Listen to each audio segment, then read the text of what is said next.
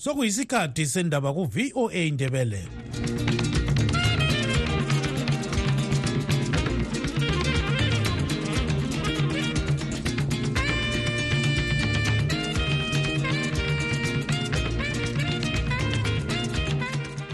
lami ngithathele lithuba ngibonga utanono kawande obesipha indaba ngolimi lwesishona. Lingalivuka njani izulu kandaba olamukela emsakazweni westudio 7 ngolwesithathu mhlazi ku-24 zibandlela 2024 ngochris gande. Endabeni zethu lamhlanje ibandla le-ccc lilandula imbiko ethi ibandla lezanu pf selihle lathola izihlalo ezinhlanu ngoba lingancintiswanga kulandela ukususwa kwabamela leli bandla ngumthethwandaba. Lokhu kungamanga izanu pf ayilasihlalo esisitholile um kube nempumela nje yedalela ikhoti elithiwa amakhandidates avunyelwa kodwa ngomthetho thina silelungelo loku-aphila-ke e-supreme court. Owayengumsekeli kamgcini isihlalo webandla le-ccc umnumzana job sikhala ulakho ukukhululwa lamuhla ngemva kokuvalelwa kwenyanga ezedlula umnyaka lengxenye nxa engatholakala engelacala. Indaba kasikhala indaba ebuhlungu kakhulu njalo indaba ephumisayo okusegcekeni ukuthi uhulumende okhokhelwa yizanu p f walapha ezimbabwe kakho ukuqakathekisa amalungelo kazulu. Abahlali bakobulawayo bathi kufanele ikhansili yaleli dolobho ivuselele ukusetshenziswa kwesitishi esigaya amandla kagetsi ngamalahle esebulawayo thermal power station ukwenzela ukuthuthukisa ubulawayo zonke lezi ndaba lezinye lizozizwa khonapha emsakazweni westudio 7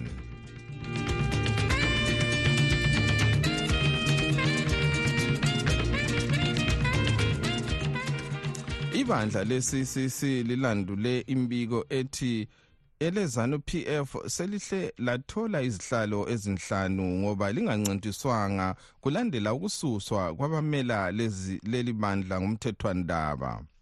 Ugatsha lwezokhetho lwezek lubike izolo ukuba abezanu PF ababemele ukuba ngamakhansili sebehle banqoba ngoba bengancintiswanga.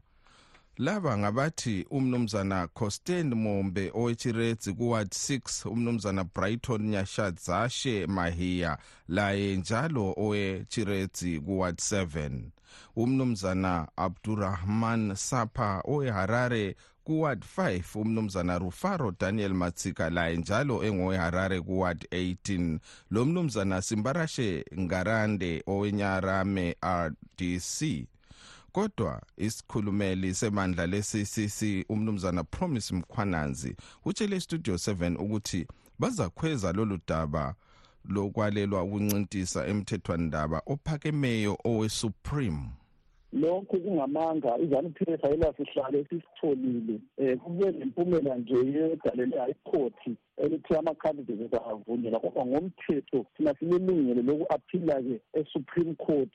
Incinta-ke le-decision kuyiziguqule kufakekwe i-decision ele-justice ezavumela ukuthi ama-candidates ethu avunyelwe ukuma kulelu khetho. Manje sona isikhathi esikhulunywa ngumthetho ukubana li-aphile asikayeneli na? Njalo likhangelela ukuthi liza-aphila nini? Isikhathi somthetho asikaneli um impumela le iphuma mhlaka-nineteen january sekulemalanga-ke angu-fifteen esingakwanisa khona uku-aphila-ke i-decision leyi. Njalo sikhuluma so sithanda ukwazisa-ke uzulu wezimbabwe ukuthi sizoyi-aphila le-decision e-supreme court. Manje zona izizathu zoku-aphila elibona ungani ziqinile ngeziphi? Njengoba umthethwandaba wona usufake isinqumo sokubana kumele bengancintisi labo okuthiwa bengancintisi isinqumo sifakwe lidale elincane thina sizaphila edaleni elikhulu kunalelo elifake isinqumo isizathu isizathu zethu esikhulu singesokuthi akula muntu ofuze alise ukuncintisa ezimbabwe njalo encintisa azikhethele ukuthi ufuna ukuncintisa ezimele yena singathi ukuyakhiwa eyi-independent kumbe ufuna ukuncintiswa engaphandle kweqembu lingaba yi-triple c ngaba yizango ngaba yini. Wonke umuntu wezimbabwe uvunyelwe ukuncintisa ngaphansi kwesinqumo somthetho ese-constitution yezimbabwe. Ungakhangela ngo-august twenty twenty three um ukhetho olukhulu olwenziwe ezimbabwe. Um abantu bavunyelwa ukuma abanye baze bama baba babili babili ku-triple c. Kusenziwa yiveki nale esisalisa abantu ukuma kodwa abantu babekwazi abakhokheli babo. Ngalokho sithi konkona njengokwenzakala ngo-august twenty twenty three ama-candidates avunyelwe nxa isimo emabili mabili kube njalo uzulu uyazazela yena ubukhokheli bakhe abufunayo manje nkutazo bani elipha abalandeli bebandla abafuna ukuthi baye kuvota? Kuyini elikukhuthaza khona ukuthi bekwenze kathesa? Ikhuthaza abalandeli bebandla labasekeli bebandla labo bonke kugoqela lama-candidates ethu ukuthi belize lonke bekuground-ke bekhankasa bemelele ukuthi sizwe ukuthi i-supreme court iza kuthini sikhangele ukuthi kufuze sinqobe um kulolu daba abantu bethu bavunyelwe ukuncintisa akukho emthethweni akulunganga akufakwanga emthethweni wethu we-constitution ukuthi abantu baliswe ukuma besaliswe ukuma ngaphansi kwebandla. Ababe befuna ukuma ngaphansi kwalo ubukhokheli balelo bandla bubavumela ukuthi bame ngaphansi kwebandla lebusuku lo-ke ngumnumzana promise mkhwananzi isikhulumeli sebandla le-ccc ubekhuluma icingweni le-studio 7 eseharare. Kolunye udaba olufanayo owayengumsekeli kamgcinisihlalo webandla le-ccc umnumzana job sikhala ulakho ukukhululwa lamuhla ngemva kokuvalelwa esitokisini okwenyanga ezedlula umnyaka lengxenye nxa engatholakala engelacala kumbe elalo icala. Usikhala wetheswa amacala amabili elokuphehla udlame lolokungaziphathi emphakathini. Amacala omabili alesigwebo esingedluli inyanga eziyisithupha okutsho ukuthi nxa umthethwandaba ungamfumana elecala ulakho ukukhululwa. Sixoxe lolwela amalungelo kazulu umnumzana charles nyoni. Indaba kasikhala indaba ebuhlungu kakhulu njalo indaba ephumisayo okusegcekeni ukuthi uhulumende okhokhelwa yizanu p f walapha ezimbabwe kakho ukuqakathekisa amalungelo kazulu. Um ngoba umnumzana sikhala wabotshwa wafakwa entilongweni. Kungelacala amapholisa aseqalisa ukudinga ukuthi icala alethiswa lani umuntu ephakathi njalo bemnitha ibheli thina sonke sikwazi ukuthi okusemthethweni ngokuthi umuntu nxa elecala uyahamba phambili kukamantshi aphiwe ibheli abuye azomelela indaba yakhe. Nxa egwejwa agwejwe. Nxa kuyukuthi indaba yakhe ifuna ifayini ifuna ifayini. So lokhu sokusitshengisile okusegcekeni ukuthi hhayi indaba kasikhala akulacala alalo ngaphandle kokuthi yena yi-political prisoner njalo um izanu p f nomnankagwa bazimisele ukuthi bamhluku njalo um bathathe amalungelo akhe bawaphosele ngakhatshana. Manje nxa sikhangela abanye abakutshoyo ukubana kukhanya udaba lolu ngezombusazwe ayiso lokuthi ludaba lwezomthetho. Wena ukubona njani ye liqiniso leli kusegcekeni ukuthi indaba zombusazwe ngoba um abanye ababotshwayo ngemuva kwakhe basuka baphiwa indaba zawo zaphambili kwamantshi baphiwa amabheli abanye baze baya ukuyaseva ama-sentence akhe yena eyakhe indaba ilokhu hhayi ayikafiki hhayi kayime kusadingwa lokhu nalokhu nalokhu. Okusegcekeni nje ukuthi hhayi indaba le ayisondaba yecala but indaba yokuthi indaba zombusazwe sebesebenzisa um intshelongo ukuthi balwise abantu ababalwa nayo endabeni zombusazwe. Sike saxoxa labanye abathi kungayenzakala ukuthi umnumzana sikhala usekhululwa ngoba ibandla lezanu PF lifuna ukuthi engakhululwa kube lokudonselana amandla kubandla le-CCC ubona kuliqiniso yini lo? Ukuthi engabuye bese funa ukudonselana lobani amandla ngoba uhulumende ubezimisele ukuthi abhiqize ibandla eliphikisayo ele-triple c. Wazama ngandlela zonke azigwanisayo ukuthi engajibopha osikhala kanye labanye abafake entilongweni kuyasala kungelabantu kuyasala kunabantu abavokhala abalutshwane.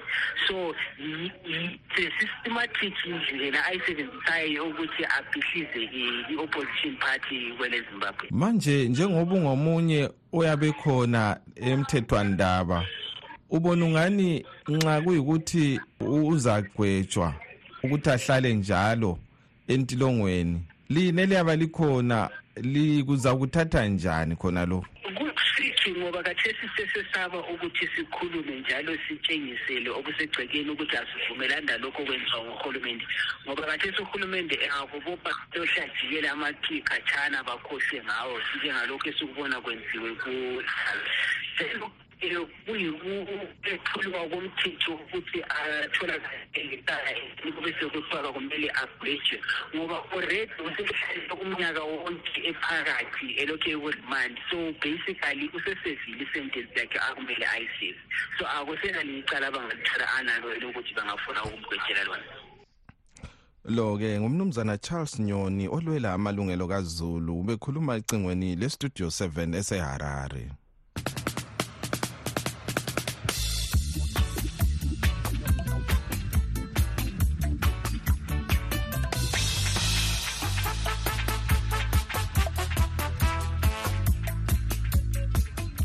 Abahlali bakobulawayo bathi kufanele ikhansili yaleli dolobho ivuselele ukusebenza kwesitishi esigaya amandla kagetsi esebulawayo thermal power station. Imanyene lenkampani ebona ngenhlelo zamagetsi ukwenzela ukuthuthukisa ubulawayo.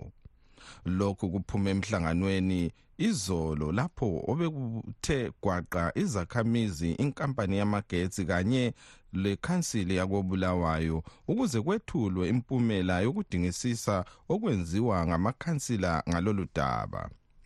Isitishi lesi esisebenza ngamalahla kodwa ukwathesi asisebenzi yiso esabangela ukuthi idolobho lakobulawayo laziwe ngokuthi kukontuthu ziyathunqa. Okuningi ngalolu daba sikuzweni kungxoxo osithandekile mhlanga westudio 7 ayiqhubele unkosazana permanent sibanda. Umqoqi wenhlelo kunhlanganiso yebulawayo progressive residents association eyiyo eqoqe lumhlangano sibe le-opportunity yokuthi sandelela ukuthi amakhansila amaningi matsha yokuthi sibaxwayise ngodaba lolu and then labo uh, saba le meeting last week sabanika ithuba lokuthi bayeza ukuthi kanti vele uhamba njani ukuthi ngubani o-owner those power stations a-ownwa yi-city council kumbe a-ownwa yiveta so namhla baphinde basitshela ukuthi hhayi ama-title deeds akhona ekhansi indawo leyana ngekamasipala sasesisuka sawuzibuza yes discussa khonapho kumthi xa indawo ingekamasipala izesa yona ipower yokuthi ithi decommissiona kumbe isivala iyithatha ngaphi.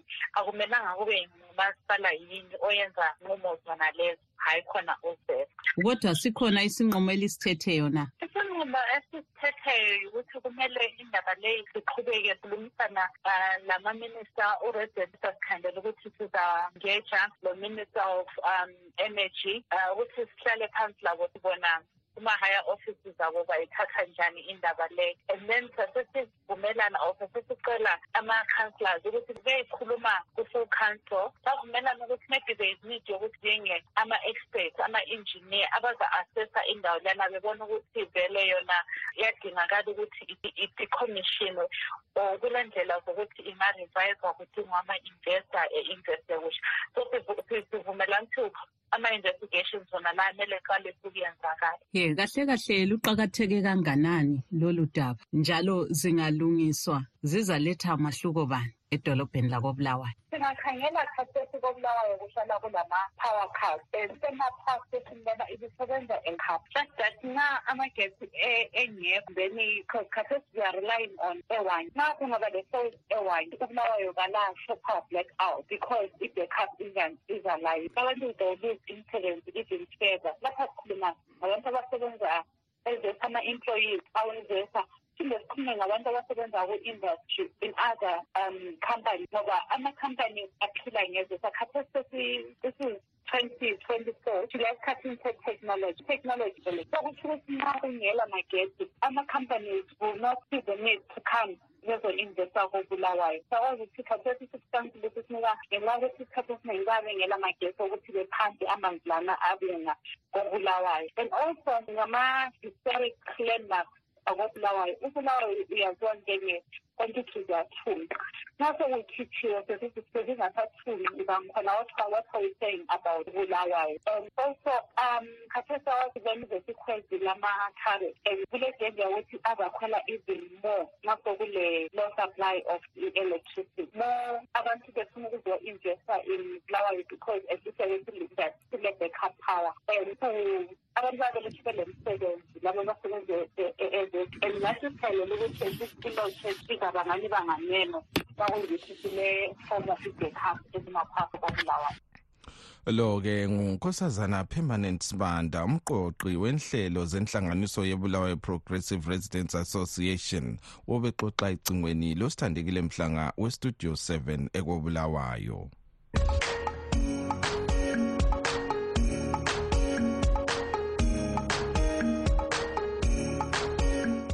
okwamanje sengidedela emuva ngilichiya ezandleni zenu lina balaleli bethu kumbono yenu elisithumele ngewhatsapp siyabulisa kustudio 7 siyabulisa kustudio 7 linjani linjani basasazi? Uh, igama lami nginguvusumuzi undlovu laphana ngisuka endaweni yasenkayi khona ngale golitshena kulamajaha amahle eh bengithanda nje ukuthi ngibe mfishane kakhulu. Le ndoda okuthiwa nguchabangu le ngihle ngihlale phezu kwendaba. Kumhlophe nke ukuthi ithengiwe ngoba akula muntu ongakhipha abantu ethi kuthiwe makuvotwe katsha. Ekwathi kuzothiwa makuvotwe katsha ngoba ma kuvotwa katsha manje umbuzo wami uthi ma kungathiwa kuvotwe katsha izanu p f ngoba esaziwa ngokuriga irige kungena abantu bezanu p f. Uzajabula nalo chabango ngoba evele ethengiwe nje kuyinto esegcekeni. Ngoba angeke udlale ngerisk ukuthi makuvotwe katsha kufana nokuthi uthi umdlalo webhora mawuqale katsha ithimu eyesiwinile ukuthi makuqalwe katsha. Ngoba vele bavele barobha nje kwatshontshwa amavoti abantu nje kuphinde kuthiwe makuqalwe katsha. Ma sebewathetha amavoti abantu uzathini uchabango yena livuka nje studio seven? Livuka njani? Hayi siyavuka thina. Um ngingomeli igwanda ngiyakhala la. Khala lapha ngalaba abalandeli bezanu and amashona ngithi as a whole ngithi ngikhale ngalaba bantu basempumalanga. Laba abantu basempumalanga sebethethe badoma ingqondo zabantu bakithi. La bantu kwesinye isikhathi esingasingababhekanga banamandla angazi noma banamandla noma banamaqhinga okudoma abantu. Lalela nje loba balothiwa ngumalakhi nkomo lokuthi ukhuluma uthini ngezanu p f. Ukhuluma uyayincoma izanu p f yenza lokhu nalokhu nalokhu. Mhlawumbe kuthakathwa lokhu akekho umuntu oright ekhanda. Oright kahle kahle ekhanda. Sorry baba malakhe nkomo ukutsho njalo kodwa ngilokuthi baba vele kudlala ngesikhathi ngoba hayi umqondo wokuba ngubaba awukho kuwe. Next um nje malakhe nkomo sothi malakhe nkomo hayi hayi hayi into oyikhulumayo ma ngozothi wena um abantu kumele babambane um kukhitshwe izijezi khitshwe ijezi zomnotho kufithwe izanu p f thathwe izijezi zomnotho kufithwe abantu basempumalanga amashoni kulungiswe emashonalend yonke izinto zibe rightly mathatha ikhompe imashonalend amathebeleni zabona there is a huge different. Um sanibonani sanibonani bafowethu um nasanibonani basakazi nonke nje siyanibulisa mthwakazi omuhle nonke bafowethu. Um ah bengakhuluma bekhulume ojoseph chuma nabogawule nabo laba um omalaka inkomo bekhulume bethini bethini beqamba amanga bekhohlisa abantu kodwa okusalayo ukuthi bonke abantu sebeyakwazi ukuthi vele baqamba amanga izanu-p f ayikho into eyenzayo. Okugcineni nje kuphela ihlukumeza abantu ilizwe liyaphela kuyinhlekisa lokhwana kuyayangisa kuyanyanyisa okwenzakala ezweni. Amazwe wonke ngicabanga ukuthi wonke akusadekhi manje ilizwe lakithi yilo lihamba phambili ngokuhlupheka. Kuyanyanyisa izinto ziyakhuphuka ezitolo akuna-price control akunalutho omunye nomunye uzenzela umathanda. Ilizwe nje lingelamthetho uma kufika odisemba izinto ziyakhuphuka. Fana kwamanye amazwe izinto sihambe ngomthetho ngendlela okufanele sihambe ngayo khona. Akunamongameli ilizwe lingena-leader liyahlupha kodwa abantu babeloko bekhuluma izinto abangazaziyo. Bafana nabo-obed mpofu nabo-chuma ofana nalo baba lwabantu anglison sibanda lo baba lowambonto uphelele ekhanda futhi angeke bewumfundisi nalelo bandla lakhe amsho liyanuka siyabonga. Siyabingelela siyabonga. Um siyadana kakhulu ukuze usengezochabango esezenza yena osele party okuthiwa i-triple c. Besicela ukuthi imali ikhuluma naye inormally istudio seven. Ngeke limqathanise lo munye umuntu we-triple c ongaba isikhulumeli noma uchamisa ngokwakhe. Ma uchamisa engekho noma ngubani ongamela i-triple c ukuze thi chazele kabanzi ukuthi yena ungu-secretary general wabekwa ngubani? Njengobana okwakungela ngitsho nama-structure ephathini so yena wazifakwa ngubani ukuthi leso sikhundla sokuthi yena usengu-secretary general olamandla okurikhola abantu abavotelwa ngabantu efaka abangane bakhe yena usebenzela izanu usebenzisa amakhoti ngoba amakhoti hhayi ukukhohlisa abantu ethi yena ukhulula abantu u-triple c yena uselesikhundla esokuzibazela yena uyinkomo yomdaka akazwali lutho uyi-nothing ku-triple c so engabodlala ngabantu behluphekile siyabonga. Studio seven studio seven injani kodwa gama nguvusa umuzu mfana kahadeka ubhungane mthimkhulu okumale ngasendaba zintoni hhayi le ndaba yenkayi lena hhayi izisa ubuhlungu impela. Angazi ngabaza ngiyifaniselani ngoba leyo nto abayenzayo laba ayilunganga neze. Yazama impela ukulibala ngento yadlula kudala. Kodwa lokuvusa amanxeba lokuzivusa amanxeba. Khathi baqondeni la bantu laba ngento abazenzayo. Mina sicelo sami sisodwa nje ngicela abantu bakithi emadebeni apha sibambane sibamandebele sodwa sibambane nje. Singabe sifaka amashoni endaweni zethu sivula iphathi eyi-one ngapha kithi emadebeleland benza into ezingazithandiyo la le phathi ekusale angeke ingenele kulokhona okwenza umuntu lo eloji yakhe angeke ingenele iyathula du studio seven studio seven salibonani salibonani makhiwa mahle salibonani bantu bakankulunkulu linjani lonke lonke lonke lapha kustudio lapho linjani libingelelane lonke ngezandla libambane ngezandla libe yimi endibambeleni kwelibingelelayo tanki ngingabonga kakhulu naliphila livuka kuhle lonke ngiyalithanda kakhulu lonke. Alithanda abantu bamlimi lonke mngane ngifisela impilo ende fisela impilo ende umsebenzi wenu uye phambili uye phambili sibili phambili noma bakhona abazondayo abalizondayo kodwa asibonke esilizondayo ngoba bavele abanye abaliqiniso kabalifuni tanki ngithi mbonise lapha ngokufitshane nje kufitshane. Hayi loo ndoda kuthiwa ngochabango lo sesibonele ilizwe iqiniso lihle hayi ilizwe lifile ngochabango ukuthi kalamcabangwa kule nto ayibhenefitayo ayidlayo. Manje hayi kodwa iqiniso lakhona hayi kuthiwa ngesindebele isindebele sithi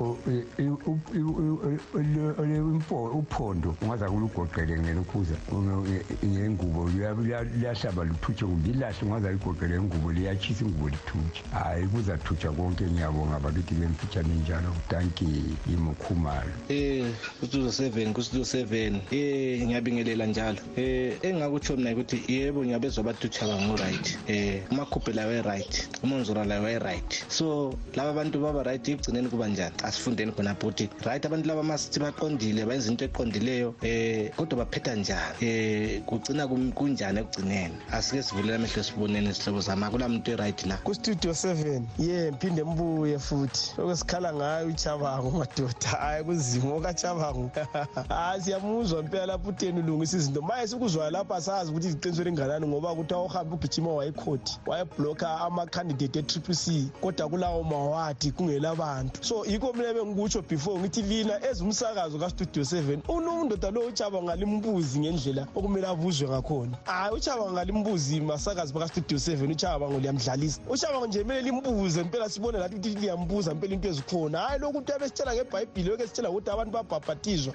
ukubhabhathizwa kubhabhathizwani ngubani ofuna ukuyabhabhathizwa ngokuthi ekhethele isikhundla sokuthi eholi iphathi akudingi ukubhabhathizwa yes or no? Mayebuza umbuzo. Malimbuza ukuthi ochamisa bavuma yes or no? Engabe lokhu esitshela ngento zebhayibhili ezingapheliyo la. Umbuzo ukhonapho yikho mina ngithi kalimbuzi kahle uchabango studio seven studio seven basakazi bethu abahle. Um nami ngizophawula kancane nje. Um hayi siyabona izanu p f iyakhampena straight ngendlela zonke. Um izama ukuthi ithole lokhu ifuna ukukuthola. Kodwa-ke eqinisweni mina bengisekhaya um izanu p f akula muntu oyifunayo izanu p f. Akula muntu oyifunayo izanu p f. Lokuwina angazi mina bawina njani? Um abantu akudingi nokuthi uyabuzibonela nje abantu ngendlela abayizonda ngakhona abafuni nokuyibona. Bababona nje begijima ngezimoto apha abantu babekwate ngenye indlela ukuthi laba abantu laba um hhayi and izowina yona ngendlela ukuthi vele inesitsotsi sayiwina ngaso izanu p f. Bhekani istudio 7 even nabantu abakhomentayo khona lapha kustudio 7 nguphi umuntu oleke limuzwe ekhuluma edefenda izanu p f ukuthi izanu p f ayiyenzi into ethile. Ngaphandle kwabo bona bona abasebenzela abasebenzela yona izanu p f yibo kolokhu ubezwe ujoseph chumana laba lokhu besithi hhayi izanu p f eseyiyenzile akula lutho lutho lutho njengendlela khona alaphana sokunzima laphona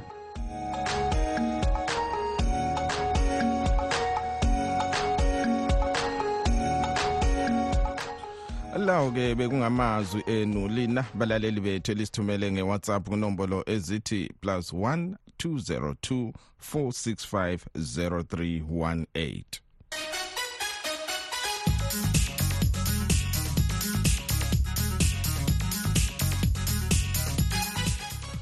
kwezemelika umphathintambo wezobudlelwano bemelika lamanye amazwe umnumzana anthony blinken wazise ukuba ile melika lizaphathisa ele ivory coast ngoncedo lwemali efika izigidi zamadola emelika ezingamachumi amane lanhlanu 45 million us dollars ezaya kwinhlelo zokulondoloza ukuthula emazweni akhelane lalelo lizwe ublinken wenze lesi sithembiso ese-ivory coast esigabeni sakuqala sohambo lwakhe lokwethekelela amazwe awezwekazi le-afrika amane.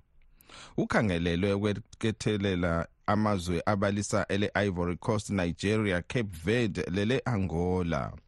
Ukuhlaziya lolu daba upraxedis jeremiah westudio 7 uxoxe lo mnumzana butler tambo ocubungula ezombusazwe lezenotho. Ukuvakatsha kukamnumzana ublinken kwele afrika wasevakatshela amazwe amane. Lokhu kutshengisela ukuthi imelika isizama ukudinga abangani abatsha njengoba layo ibona kathesi osokwenzakala ikakhulu e-southern africa khonokho ukuthi amazwe afana laborussia labochina asebambene le-south africa kulethwa i-brics. Okwamanje khonokho ukuthi i-ukraine ilwisana le-russia kutsho ukuthi imelika simele idinga abangani abatsha so kwenzakale khonokho ukuthi ubaba ublinken ubhodile kwamanye amazwe kangena nge-southern africa kutshengisa ukuthi badinga abangani abatsha. Abemelika bakwenza lokhu bevele bejongeni sibisibili lo sebedinga amazwe abangabanika usizo abangabuya besekelane lemelika kuzinto zonke imelika ethi zama ukuzenza. Ikakhulu nxa sokusiya kufika emhlanganweni yabo-united nations lento ezinjalo. Ukuhambisa i-45 million dollars eh, ecape verde mina mbona ngani yimali encane kakhulu ekade ngasuzinceda amazwe amaningi.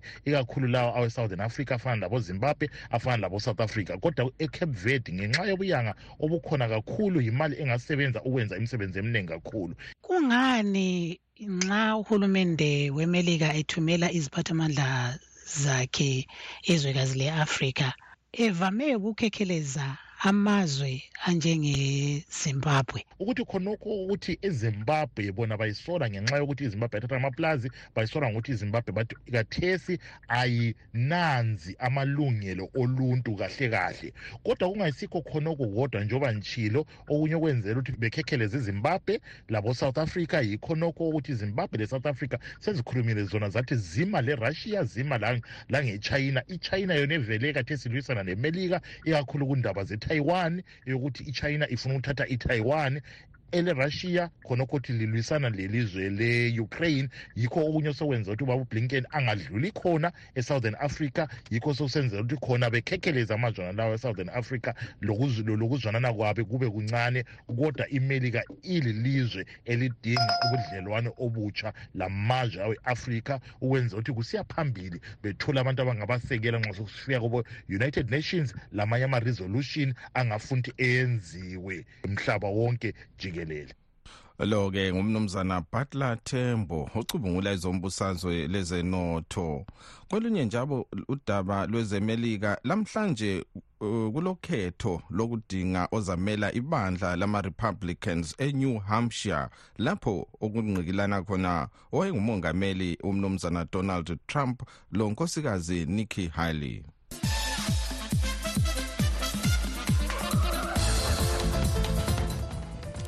Ke sikhangele ezemidlalo lapho esikhangela khona amaqembu azadlala kusasa kumidlalo yenkezo ye-africa cup of nations.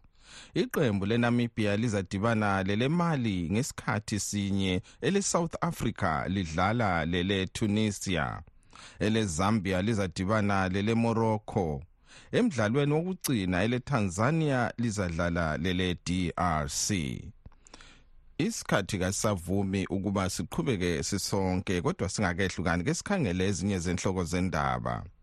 Ibandla le-ccc lilandula imbiko ethi ibandla lezanu pf selihle lathola izihlalo ezinhlanu ngoba lingancintiswanga kulandela ukususwa kwabamela leli bandla kumthethwandaba.